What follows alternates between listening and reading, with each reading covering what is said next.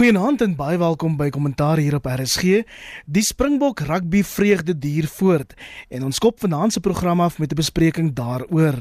Ons kyk ook na president Cyril Ramaphosa se beleggingskonferensie en die DA se welslaan tussen verkiesings vroeër van dese week. Op die buitelandse front hou ons president Emmanuel Macron se wekroep vir Europa dop, as ook die moontlikheid dat Frankryk tot Eskom se redding sal kan kom. En dan hier teen die einde van die program bespreek ons die skynbare ineenstorting van Zimbabwe. Die kommentators vanaand is Roland Henwood van Universiteit van Pretoria hier by my in die ateljee in Auckland Park. Welkom Roland. Goeienaand Iwer. Op die lyn professor Amanda Gous van Universiteit Stellenbosch. Nancy Amanda. Goeienaand Iwer. En dan ook Theo Venter van die Noordwes Universiteit. Nancy Theo. Goeienaand almal. SAK nuus onafhanklik, onpartydig. Ons begin by die bokke en die wenners van die Wêreldbeker rugby toernooi het in die land aangekom onder groot toejuiging van die nasie. Professor Jonathan Jansen skryf in die Times die bokke se sege gaan nie net es gaan nie noodwendig Eskom red of Moody's oortuig nie. Dit het iets groter verrig. Amanda, ek wil hierdie bal vanaand eers vir jou gooi. Stem jy saam met professor Jansen wanneer hy sê iets in Suid-Afrika het verskuif na daardie magtige oorwinning teen Engeland? Wel, ek dink dit het op die korttermyn verskuif. Ek ek dink dit het Suid-Afrika hoop gegee in 'n tyd wat ons almal baie hopeloos gevoel het. Ehm um, en ook die hele kwessie van nasiebou deur sport. Ons het dit in 1995 gesien toe ons ook die wêreldbeker gewen het. Ehm um, en die feit dat Mandela op die veld gegaan het en die en die rugby trui aangetree het. Maar ek dink hierdie is selfs groter as 1995 omdat ons uh, vanuit so 'n uh, 'n plek van hopeloosheid uh gekyk het na hierdie rugby en gehoop het uh dat dat ons hierdie beker sal huis toe bring en en dit het ook gewys in die groot getal mense wat na die lughawe gegaan het en ook die mense wat uh waar die uh, bokke nou ook al gaan op hulle toer deur die land wat hierdie ehm um, oomblikke bywoon wat uitkom in hulle massas. So ehm um, ek dink werklik dit het iets te doen met uh so so Sia Kolisi ook gesê het as ons saam staan kan ons baie verrig. Daai idee dat dat ons ons verskille um, op die agtergrond moet plaas. En ek dink as ons dit kan doen, um, nie net op die kort termyn nie, maar ook op die lang termyn, uh dan dan uh, weer dra dit by tot 'n meer ek dink ehm um, langdurige verskywing, maar ek is nie seker dat ons op op hierdie oomblik weet daar is dat ons dink dit kan 'n meer langdurige verskywing wees. Die seun van wyle professor Jakes Gerwel, die akademikus Hein Gerwel, skryf op 'n platform Food for Mzansi dat hy hoop die Springbok sege sal doodgewone mense inspireer om miskien tog meer heldhaftig op te tree. Dat ons nie elke paar jaar vir 'n wêreldbeker hoef te wag nie, Roland. Ja, ek dink dit is 'n baie belangrike beginsel. Ehm um, hier sit klomp onderliggende temas en en aspekte wat 'n mens kan uitlig. Ek ek wil eerstens sê ek dink jy mens moet te veel hiervan maak nie. Dis 'n groot sportprestasie, simbolies baie belangrik vir Suid-Afrika, maar ek dink mens moet ook die ruimte laat dat mense hiervan kan maak wat hulle wil. Ehm um, maar dan Goed, wat maak ek daarvan in terme van van die aspek wat jy na verwys? Ek dink belangrik is dat dit vir, vir 'n klomp Suid-Afrikaners wys dat ongeag klas en watter ander identiteit jy ook al aan wil gaan koppel, mense kan presteer, mense kan goed doen, mense kan die wêreld oorwin. En en ek dink dit is wat dit so belangrik maak vir Suid-Afrika, dat ons los van al die ander identiteite en ehm um, wat noem ons labels, etikette wat ons graag om mekaar se nekke hang in Suid-Afrika dat mense kan presteer in eie reg en dat mense met groot opoffering en met moeite tog die top van hulle sport kan bereik op 'n wêreldvlak en ek dink dit is baie belangrik. Theo, ek wonder waar jy staan na aanleiding van die boksege en die vreugde en dan het almal van president Ramaphosa tot die nasionale raad van provinsies die bokke die week geluk gewens behalwe natuurlik die EFF.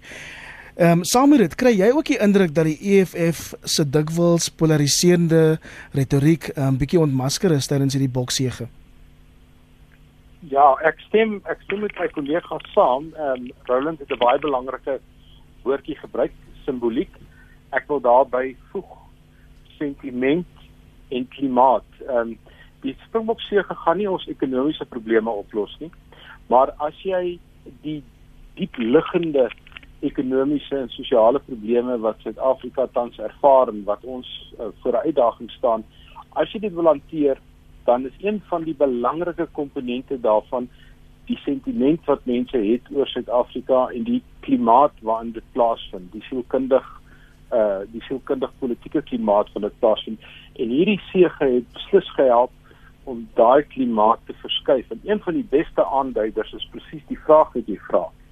Toe uh, ons bekende dokter Ndlozi ehm um, sy skynsopmerking teenoor die Springbokke gemaak het deur vir Sia geluk te wens wat sê die res moet maar by die by die Engelse prinsie hulle gelukwensing kry het hy hom in 'n sosiale media bloedneus vasgeloop en en 'n hele klomp ander politieke partye ook. Dit sê net vir jou hoe uitpas hy is met wat die gemiddelde Suid-Afrikaner hieroor gevoel het want daar's geen twyfel nie en ek dink ehm um, Amanda het gesê ook dat die gemiddelde Suid-Afrikaner ongeag kleur het hier in 'n uh, 'n 'n gemeenskaplike oorwinning gehad. En ehm um, wanneer 'n land sit waar hy is soos ons op die oomblik aan die onderpunt van 'n ekonomiese konjunktuur dan soek leiers ehm um, hierdie soort bates. Ehm um, en dit is wat hierdie oorwinning was. Dis 'n bate en ek dink die koerante vra op tereg, 'n hele paar van hulle gaan ons hierdie kom ons noem dit ehm um, sportkapitaal wat ons opgewek het of of nasionale simboliek wat ons nou gekry het, gaan ons dit kan benut of gaan ons dit verkoop? Dis die groot vraag. Dit lyk vir my op die kort termyn, dis die laaste week of twee, dat ons tog iets daarvan maak, maar die groot vraag is net ehm um, kan hulle dit benut want ons het al hierdie soort goed nodig om Suid-Afrika uit die diepgang van ons ellende op die oomblik te kry. Roland Ja, ek dink dit is 'n belangrike punt wat jy maak dat 'n mens jy moet die kapitaal wat jy het, die geleentheid wat jy het, moet jy kan benut. En ek dink belangrik is dat mense dit nie gaan verpolitiseer nie, maar wel die sentiment wat in die land baie duidelik sigbaar is, kan aan die gang hou op 'n manier wat positiewe gevolge het. En met aan die gang hou bedoel ek nie dit op 'n kunsmatige manier gaan uittrek nie, maar dit is baie duidelik dat daar 'n groot pool van gesindhede is wat baie goed in Suid-Afrika se guns ontsluit kan word. Wat dit ook vir ons wys is dat die tipe nou identiteitspolitiek wat ons die afgelope klompe jare gesien het, nie 'n weerspieëling is van dit wat werklik in mense in Suid-Afrika, kom ons gebruik die woord in hulle gemoed is nie. Dis nie hoe Suid-Afrikaners in die algemeen is nie. En ek dink dit is baie belangrik dat ons moet keer dat ons terugval, want dit is 'n baie maklike en 'n goedkoop manier om politiek te bedryf. En is belangrik om nie terug te val daarin nie. Maar dit gaan nie net oor politiek nie. Dit gaan ook oor om wat beteken dit vandag om 'n Suid-Afrikaner te wees? En hoe gebruik ons hierdie tipe sportprestasies en geleenthede om daai Suid-Afrikaanse wees aan te vul, te verryk en hopelik ook verder te ontwikkel? Wel ek hoop vir die nasie se onthaalwe dat die bokkapitaal darm langer as Dinsdag sal hou wanneer hy ehm um, bok sege toer met hulle daar op die busse verby sal wees. Ons beweeg nou na president Ramaphosa se beleggingskonferensie en volgens die regering het dit beleggings van 363 miljard rand oor die volgende 5 jaar opgelewer en dit vertaal min of meer tot 412 000 regstreekse werkgeleenthede. Amanda, ek weet daar's gemengde gevoelens oor watter bydrae dit alles tot die ekonomie sal lewer. Maar beskou jy hierdie beleggings as 'n mosie van vertroue in Suid-Afrika se toekoms ten spyte van byvoorbeeld Moody's se uitsprake weke wat gelede? Ja, ek dink tog so en ek dink uh, dit is ook 'n refleksie op Cyril Ramaphosa se se uh, vermoë om um, investering te kry um, in 'n tyd wat dit eintlik baie sleg gaan in Suid-Afrika. So sy strategiese um, benadering en ook met wie hy natuurlik uh, op hierdie kongres gepraat het en onderhandelinge gevoer het om wel hierdie ehm um, beloftes van van invest, investering te kry. Nou daar word verwys na ekonomiese zones, die skep van industriële parke, uh digitale nodes en en small besigheid uh geleenthede. So dit is 'n dit is 'n wye spektrum van van belegging. En ek dink wat belangrik is is dat ons moet werklik dink oor hoe hierdie geld ehm um, gaan uh, die investering van hierdie geld gaan werk skep want ons grootste probleem op die oomblik is die baie hoë werkloosheid uh, statistiek. Ehm um, en die feit dat ons ehm um, para stat statale die die ehm um, parastatals soos ons dit noem ehm um, hierdie organisasies is basies bankrot. As ons praat van Eskom van uh, die Suid-Afrikaanse Lugdiens en so aan. So ek dink dat daar ook moet gekyk word uh, na die ontbondeling van Eskom en hoe hierdie investering kan bydra om die die drie verskillende uh sektore wat ontbondel gaan word te, te help om basies uh privaat organisasies te word wat baie beter diens lewer as wat hierdie semi-staats organisasies wel doen. So ek dink dit is 'n dit is 'n oorwinning vir vir Cyril Ramaphosa, maar dit gaan basies afhang van wat en hoe ons hierdie geld wat geïnvesteer word uh gaan gebruik om werklike vooruitgang te maak. Die ons gaan 'n bietjie later in meer besonderhede praat oor president Macron van Frankryk se wekroep oor die Europese Unie, maar om aan te sluit by Amanda en spesifiek die ontbondeling van Eskom, dit klink my dat ons hulp uit Frankryk gaan kom. Um Business Times berig vandag dat hulle reg staan die Franse nou om Eskom uit sy finansiële verknorsing te help. Ek aanvaar hulle praat hier van nog 'n lening. Ja, kyk, dit is um, Eskom Eskom is die beste voorbeeld wat ons in die sosiale wetenskappe en die ekonomiese wetenskappe kan gee van 'n dilemma want um, hy's te groot om te misluk en hy's te belangrik om op 'n of ander manier um, van ontslae te raak. Eskom is Suid-Afrika se ekonomie op die oomblik en daar is baie welwillendheid om te help in Eskom, maar die voorwaardes gaan oor wat is die regering bereid om te doen en Amanda het nou gewys op die betrokkeheid by by die ehm um, beleggingsberaad en dit was baie positief. Dit was positief selfs ten spyte van Moody se verklaring Vrydag. Maar ek dink die positiewe um, aard daarvan het veral gekom van weer die feit dat ehm um, die die die groter beleggers, mense wat weet wat aangaan, weet dat Tito Mboweni grootliks in beheer is van die ekonomie grootliks in beheer is van die staatsfinansies, dat hy die ondersteuning het van Cyril Ramaphosa, dat die dat die ouens wat terugdruk in die ANC, Ysmagashule en die soort ek kon sien hy het vandag 60 jaar oud geword, maar dat hulle in 'n sekere sin op hierdie stadium 'n klein bietjie aan die een kant gedruk word en die vraag is nou wat almal het en dis waar die afwagting in lê die die beleggings hierdie jaar ons 'n klein bietjie meer as verlede jaar. Ek dink 3 hierdie jaar was dit 300 miljoen, die jaar is dit 363 miljoen. Maar almal vra die vraag oor hoe volhoubaar is hierdie plan wat die ANC nou aan die orde van die dag lê en wat as 'n mens gaan kyk na die beleggings wat gegee word dan dan is dit hoofsaaklik bestaande maatskappye in Suid-Afrika wat herbelê. Nou dis 'n baie belangrike punt. Dit beteken hulle bly hier en hulle gaan aan om te belê. Wat ons soek, nuwe beleggings. En so iets van Frankryk eh, na Suid-Afrika toe kom, is dit waarskynlik 'n baie groot inspuiting wat Suid-Afrika baie nodig het, maar die die die groot die groot versoek of die groot um, behoefte wat Suid-Afrika het, is natuurlik buitelandse investering, buitelandse vaste investering. En dit gaan net kom as ons binnelandse vaste investering kry want die buitelanders sê eintlik is dit baie eenvoudig om in Suid-Afrika te belê. Ons kyk net wat die plaaslike ouens doen. En as hulle nie belê nie, dan vra ons onsself af nou maar wat weet hulle wat ons nie weet nie. Hoekom wil hulle nie in hulle eie land belê nie? So ons moet weer daai proses met ons breek en ek dink hierdie beleggingskonferensies help 'n bietjie daarmee. Sjoe, ons is al 14 minute aan die gang en is dis grootliks optimisties.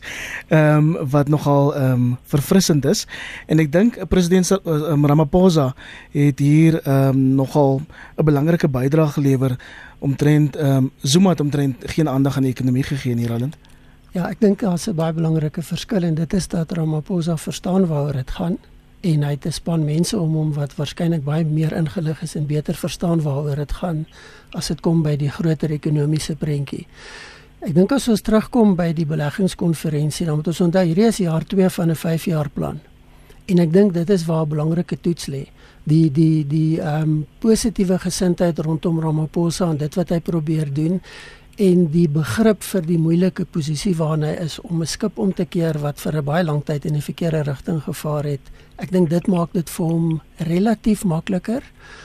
Maar ons is waarskynlik nou op die punt waar die moeilike deel begin en dit is om die beleidsekerheid te skep wat almal voorvra, om die wetgewing in plek te kry wat dit moontlik maak, om die krane toe te draai op die Eskoms en die SAL en al hierdie wat ons weet wat aangaan en beheer daaroor te begin kry.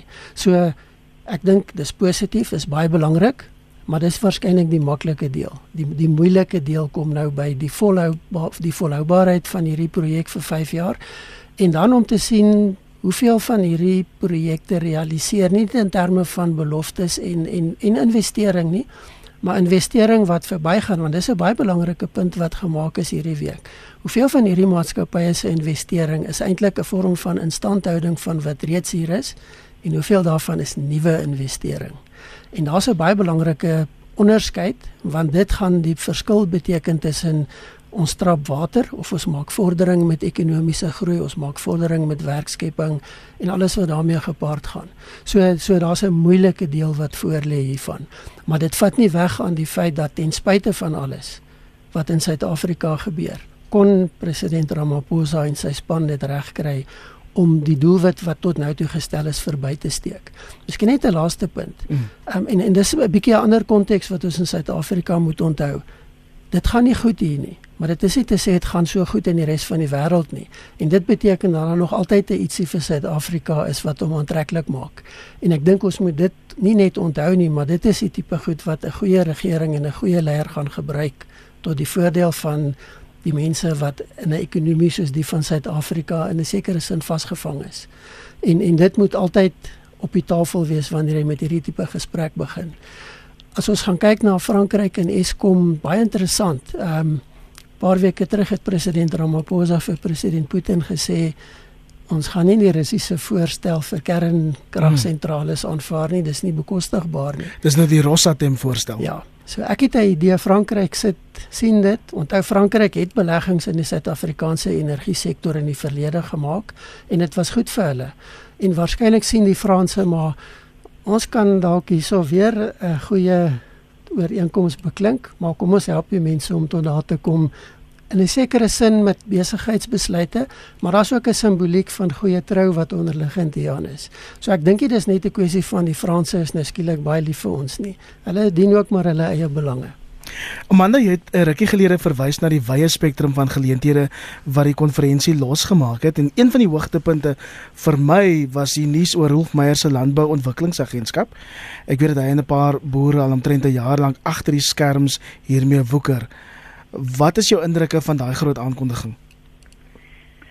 Wel ek dink dat hy in uh, die president uh, onderhandel het ook oor oor hierdie uh, situasie want hulle was goeie vriende. Um, tydens die transisieperiode.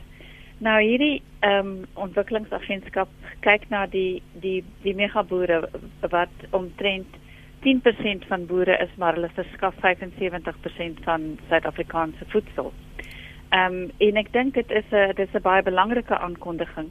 Juis omdat ons in die laaste tyd ook moes begin praat het oor voedselinsekuriteit uh, onsekeriteit. En wat sal gebeur ehm um, jy weet as as uh, klimaatsverandering begin 'n rol speel die die baie groot impak van droogtes as ons nou kyk wat in die noorde van die land aangaan.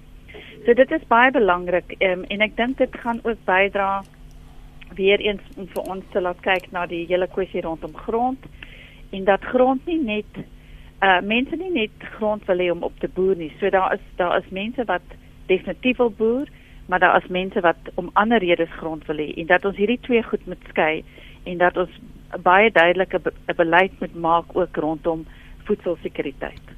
Presies. Toe ek het vanmiddag gepraat met 'n um, 'n uh, sogenaamde megaboer, ek dink hulle haat daai daai terme van die groter boere in die land en hulle kan nie wag om weg te spring um, om by te dra tot hierdie ontwikkelingsagentskap nie. Wat hoor jy? Ja, kyk, die die groot ding wat hier gebeur het. Een van die een van die landboumeganismes wat wat gesterf het in 1994 was 'n ding gewees met die naam van die Landboukredietraad. Mm. Nou anders as die Landbank en die Handelsbanke en die kommersiële banke, het die Landboukredietraad op 'n ander basis uh, aan ontwikkelende en ontstaansboere geld gegee, weliswaar voor 1994 wit, maar die meganisme het ons verloor. Wat Rolf Meyerle en sy hele span nou regkry is nie alleen om daai meganisme nou te laat herleef te herleef in samewerking met die regering, in samewerking met oorsese beleggers en in samewerking met positiewe ehm um, ontwikkelinge in landbou nie. Ek dink hulle het dit reggekry om 'n ding saam te stel wat die land eintlik nog nooit gehad het nie. En die feit dat die regering en kommersiële belange nou saamwerk om grondhervorming en landbouontwikkeling te stimuleer en te help bevorder, hier lê 'n baie baie groot voordeel in en uh, dis 25 jaar wat ons dit nie gedoen het nie. Ek hoop hulle hulle hulle begin volgende jaar op 'n baie groot mate van sukses met hierdie proses. Roland, jy wou reageer? Ja, ek dink die belangrikheid hiervan lê op verskillende vlakke. Ehm um, ek meen jy weet, ons het dit saam saam gesien ook waar mense by georganiseerde landbou betrokke is. Daar's 'n groot opwinding, opgewondenheid. Daar's bekommernisse. Kom ons maak nie 'n fout nie. Mense kan nie die die die die kommer en die onsekerheid wegpraat nie. Maar daar's ook 'n groot mate van opwinding van 'n dinamika wat losgekom het wat sê maar ons moet vorentoe gaan. En ek dink wat hier gebeur is dat dat georganiseerde landbou en rolspelers in die landbou besef om vir die regering te wag met hierdie tipe projek. Jy gaan baie lank wag, meer as 25 jaar. Presies. So ek dink wat ons hier sien is waar mense begin sê, maar kom ons begin die bal aan die rol sit, kom ons begin met en daar's ander sulke inisiatiewe ook. Hierdie is nou 'n groot een wat op 'n groot verhoog aangekondig is, maar daar's 'n klomp sulke inisiatiewe. En ek dink die besef begin posvat en en dis hoogtyd in Suid-Afrika dat ons kan nie wag vir die regering om alles te doen nie. Hulle het eenvoudig nie die vermoë nie. So daar moet saamgewerk word en in baie gevalle moet ek dink sonder die regering gewerk word. En en hierdie is aspekte van daai prosesse wat begin uitspeel in Suid-Afrika. As jy Spansbins ingeskakel het, dis kommentaar op RSG, dis nou 22 minute oor 8 en ons beweeg volgende na nuus oor die DA wat in Woensdag se tussenverkiesings redelik goed gevaar het teen alle verwagtinge in. Ehm um, wat die tussenverkiesings in die Oos-Kaap en KwaZulu-Natal betref, het die ANC ook sy 5 wyke behou en die party, dis nou die DA, kies presies oor 'n week sy tussentydse leier. Amanda, hoe lees jy die DA se sukses in die tussenverkiesings? Dis nou teen die agtergrond van hulle groter probleme. Wel ek dink mense moet uh, kyk na, jy weet waar die tussenverkiesings plaasvind en ek neem aan dit is in gebiede waar die DA baie steun het. Maar ons weet ook dat daar byvoorbeeld in in September tussenverkiesings was. Ehm um, wat die DA verloor het uh daar in in byvoorbeeld in Potchefstroom en in Klein Willem. So so ek sal dit nie uh, te ernstig opneem nie. Ek dink ehm um, dat dat die DA basies nou moet konsolideer. Hulle hulle moet 'n uh, hulle tussen 'n uh, uh, leier kies. En ek dink dat ehm um, jy weet as ons tussen verkiesings in ander gebiede gaan hê waar die die steun van die DA by afhanklik is van ehm um, swart stemmers, dan sê ek nie so seker dat dat hierdie uh, tussen verkiesings uh, op dieselfde manier uh, dit self gaan uitspeel nie. So wat Amanda basies sê is een swaalkie maak nie 'n somer nie toe. Ja, dit is waar. Net in dieselfde reël geld natuurlik vir Cyril Ramaphosa en die ANC ook.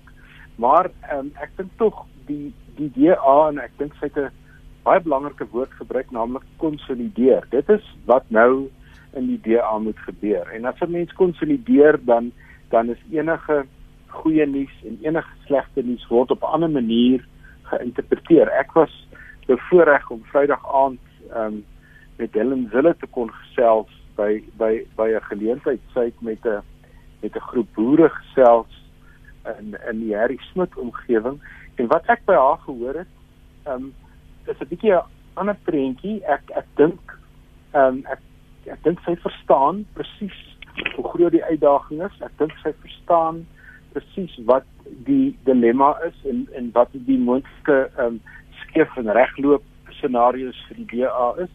Maar ehm um, ek stem ook saam met die meeste ander kommentators dat om die DA te verloor in die Suid-Afrikaanse politiek op hierdie stadium is 'n verlies vir almal want mense het en ek is 'n ek glo vas daaraan dat die sukses van 'n demokrasie word nie gemeet aan die regerende party nie, maar dit geword gemeet aan die sukses van die oppositiepartye. Dit is die oppositiepartye wat eintlik vir jou sê tot watter mate word sekere goed in die politiek toegelaat en kan dit gebeur en nie gebeur nie. So die die oorlewing van die DA al is dit in 'n ander vorm al gaan dit verander want ek is doodseker ons ons al drie stem saam dink ek dat hier is 'n groot ehm um, verskywing in die politiek, maar dit is nie iets wat hoor oor gaan. Ja, dit is volgende 3 tot 5 jaar gaan hier definitief goeders gebeur. Uh, hierdie was waarskynlik een van die eerste gebeure wat plaasgevind het en uh, ek dink die DA leierskap is baie deeglik bewus hiervan. Die demokrasie ontwikkel mos maar en daar sal heeltyd oppositie partye en die formaat sal verander. Ehm um, maar Roland volgende Sondag gaan praat ons hier op kommentaar oor die nuut verkose tussentydse DA leier wat oor presies 'n week verkies word. Op wie is jou geld? Op die stadium lyk dit asof John Steenhuisen baie steen geniet asof hy baie goed geposisioneer is. Ehm um, dis interessant as 'n mens gaan kyk hier tipe uitsprake wat hy maak, die goed waarop hy reageer, die profiel wat hy op die stadium nie laat hy nie 'n profiel gehad het nie, maar die manier wat hy sy profiel gebruik en posisioneer. So dit lyk asof hy die persoon is. Ek dink die belangrike punt is die keuse wat nou gemaak word het 'n klomp implikasies, maar die grondslag daarvan is wie die breedste basis van steun binne die party met arwere wat oor 'n baie breër ehm um, gedeelte van Suid-Afrika strek, geografies bedoelende. En dit lyk asof dit John Steenhuisen is wat in daai posisie is. Ek dink nie daar's waarborge nie, maar dit lyk asof dit die posisie is waarna hy is. Ehm um, ek, dink as 'n mens gaan kyk na die DA en en ek ek stem saam met wat jy ook sê Daar's 'n aspek wat ek dink 'n mens moet in gedagte hou in Suid-Afrika. En dit is dat daar's baie mense wat wil deelneem aan die politiek, maar hulle gaan nie vir die ANC of die EFF stem nie en waarheen gaan daai mense? En dit maak die DA nog steeds 'n belangrike opsie vir 'n groot klomp kiesers of 'n relatief groot klomp kiesers in Suid-Afrika. En ek dink dit is iets wat die partye uh, stabiliteit gee wat 'n nuwe leierskap kan gebruik en ontwikkel en wat die party tot 'n mate so 'n bietjie van 'n kussing gee in die kort termyn.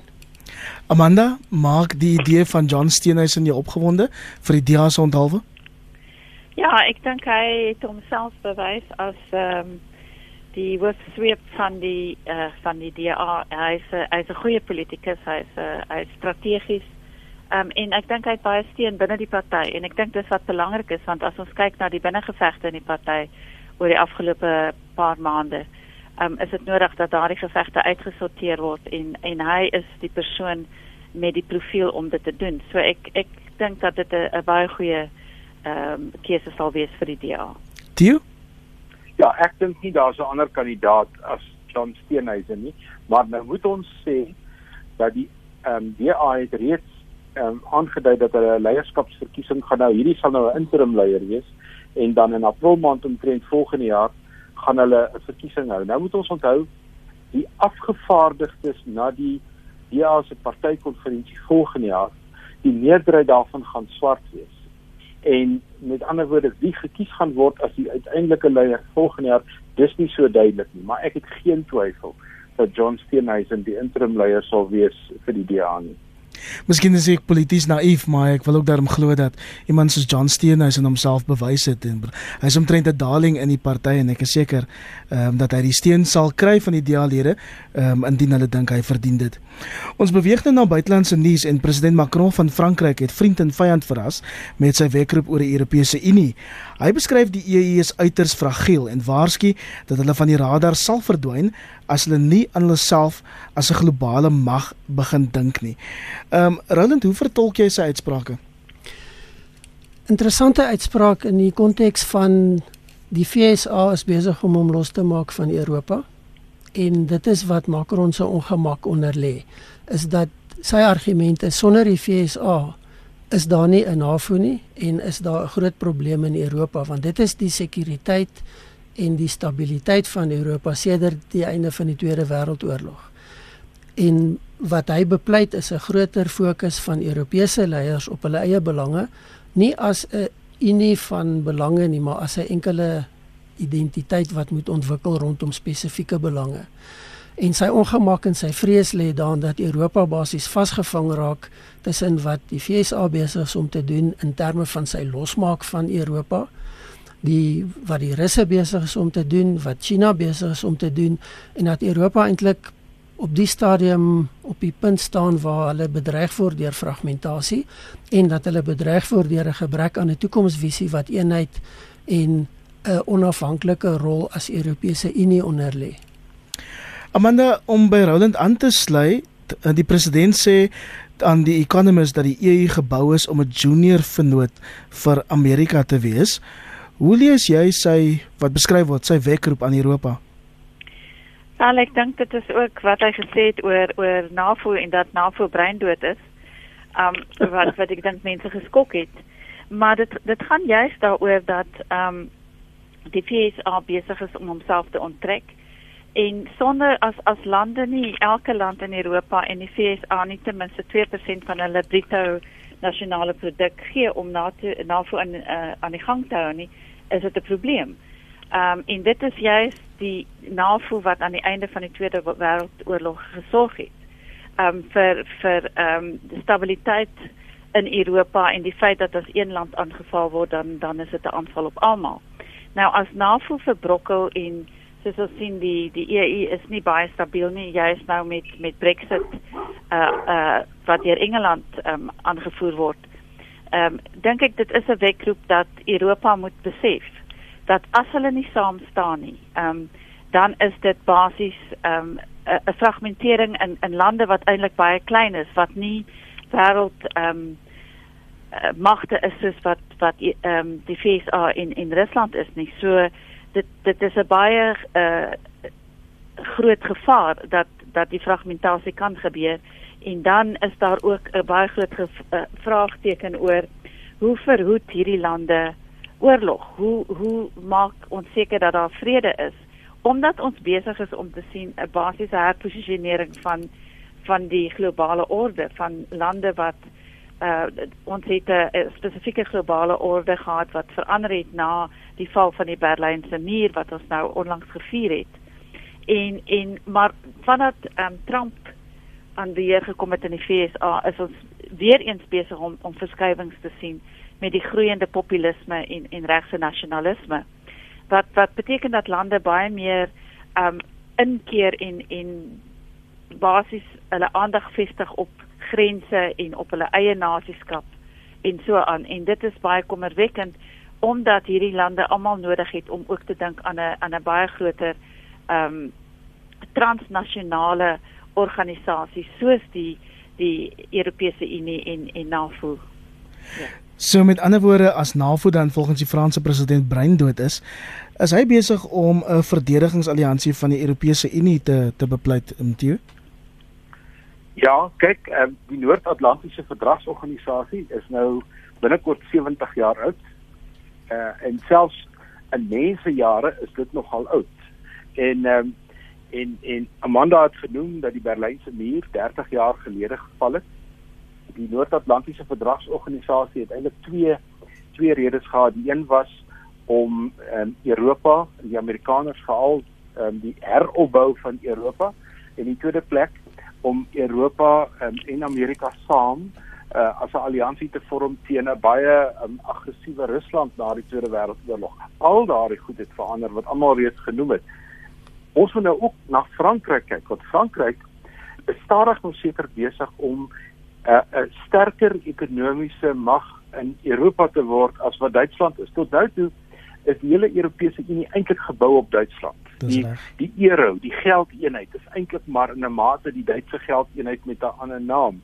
Maar 'n jong, jeugdige, energieke François Macron het het het ehm um, het Frankryk heeltemal op 'n ander plek geplaas. Hy is een van die enigste leiers in Europa wat 'n sinvolle en ek gebruik die woordjie sinvol baie rasioneel en en en en as wat 'n sinvolle verhouding met Donald Trump het. Niemand anders sê dit nie en ek neem nou nie Boris er, Boris Johnson baie ernstig hier op nie, maar die Frankryk Frankryk se rol en alles wat tot nou toe gesê is is verskriklik belangrik en Frankryk was selfs met die Noord-Atlantiese verdrag altyd 'n buitestander. En dit was destyds generaal de Gaulle wat nie regtig wil deelneem aan wat NAVO doen nie in hierdie Franse uniekheid kom in Macron se stellings plaas maar ek dink hy verstaan wat Trump besig is om te doen waarskynlik baie beter as die res van Europa en hulle sal op een of ander manier hulle self moet losmaak daarvan want ek dink nie die Amerikaners het meer aptyd vir vir die soort deelname wat wat in Europa aangaan nie. En ek dink Rusland alhoewel Rusland besig is met 'n heropbou want dit is 'n dit is 'n dis 'n dis 'n militêr strategiese ding en Trump verstaan die wêreld in ekonomiese strategie. Hy verstaan nie die wêreld in strategiese strategie en 'n strategiese denke nie en ek dink Macron is nie enigste ons wat dit reg verstaan. Ja, ek dink wat interessant is van Macron is dat hy sê Europa sal moet nouer bande met Rusland vestig en in stand hou ten spyte van die verskille wat hulle het. So hy verstaan daai dimensie. Interessant is ook dat hy sê die era waar Europa se hele buitelandse beleid op menseregte kan bou en demokrasie is verby. Hulle moet gaan kyk na mag. Met ander woorde, hulle moet gaan kyk na NAVO sonder die FSA of een of ander vorm van 'n magsbasis. Hy verstaan dit ook. En en maar dan die laaste punt, die spanning wat dit skep. Die hmm. Duitsers is um, Angela Merkel is baie ongelukkig met wat hy gesê het en stem nie met hom saam nie. So daar's nog so 'n bietjie huiswerk om gedoen te word in Europa ook hieroor. So voor ons begin groete, draai ons buurland Zimbabwe wat weer op die rand van 'n ineenstorting staan. Die land erken nou dat sy 30000 weermaglede honger, siek en swak toegerus is en 7 miljoen mense is nou van hulpleniging afhanklik weens die uitmergelende droogte en ekonomiese krisis daar. Amanda, daar was soveel hoop vir die land na oud president Robert Mugabe se bewind. Ek wil nou nie gesê het sterf nie na sy bewind. Wat nou? Wel, ek meen die die uh, verandering was maar basies net 'n verandering in politieke leiers. Dit het nie ekonomiese verandering gebring nie want solank as wat daar sanksies um, op Zimbabwe van toepassing is, gaan die ekonomie nie beter word nie. En wat wat nou gebeur is daar is spesiaaltekorte. Ehm um, daar is uh, eh, 31% inflasie vir die afgelope paar maande was die dokters op staking omdat hulle wil in uh, kontant betaal word en in dollars betaal word. Uh want die die ehm um, algemene salaris op hierdie die gemiddelde salaris op hierdie stadium is 90 dollars wat omtrent 1350 rand is. So mense kry baie swaar. Ehm um, en en wat wat die regering nou ook gedoen het is om die hulle het 'n uh, tweeledige ehm um, valuta stelsel gehad van Zim uh, Zim dollars en Amerikaanse dollars. En nou ehm um, het die regering dit basies onmoontlik gemaak vir mense om ehm um, Amerikaanse dollars te kry. Ek meen daar daar is 'n swart mark, maar om op enige ander manier is dit is dit baie moeilik. So mense kry werklik baie swaar en is met en en dit beteken net dat 'n politieke verandering het basies geen verskil gemaak um, in die ekonomiese situasie nie en as jy dan nog natuurlike verskynsels soos die droogte bysit, is dit net 'n totale dis is 'n wanhoopige situasie. Die ons het nog so 'n minuut. Ja, en nou moet ons onthou sekere lande soos byvoorbeeld die FSA het er nie die belangstelling in Zimbabwe want hulle besef Zimbabwe se ineenstorting laat ook 'n geleentheid vir ander ehm um, groot moonthede in die wêreld. China is 'n definitiewe voorbeeld en en en en Rusland ook en Amerikaners het in die laaste jare wat baie baie nader begin beweeg. Ek weet van 'n hele klomp projekte wat direk onder die toesig van van die van die huidige president plaasvind en waarby Amerikaners betrokke is om te kyk of hulle iets kan doen aan die landbou of hulle iets kan doen aan die heropbou op 'n ander manier maar ons het eintlik na Mugabe 'n uh, 'n lang uitgerekte agteruitgang gesien en die les vir Suid-Afrika is ook presies waar ons nou is.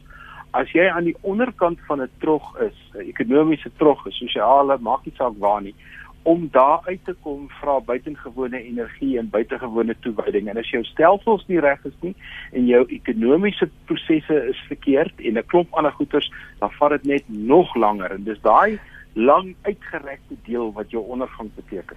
Roland? Ja, ek dink dat twee belangrike punte. Die een is dat dit help nie gaan met dieselfde ekonomiese beleid aan al is jou leierskap anders nie. As dit misluk het, dit klaar misluk. Tweede ding is die vraag ontstaan hoeveel beheer het president Mnangagwa werklik? Want daar's allerlei berigte van allerlei goed wat gebeur wat totaal teen die proses gaan wat hy aankondig en wat hy ten minste in terme van wat hy sê probeer bestuur. Ehm um, dit lyk nie goed nie. Dis waar ons vanaand gaan met haltroep op kommentaar. Baie dankie aan Roland Henwood van die Universiteit van Pretoria, professor Amanda Gous van die Universiteit Stellenbosch en Theo Venter van die Noordwes Universiteit. My naam is Iver Price. Mooi aan verder.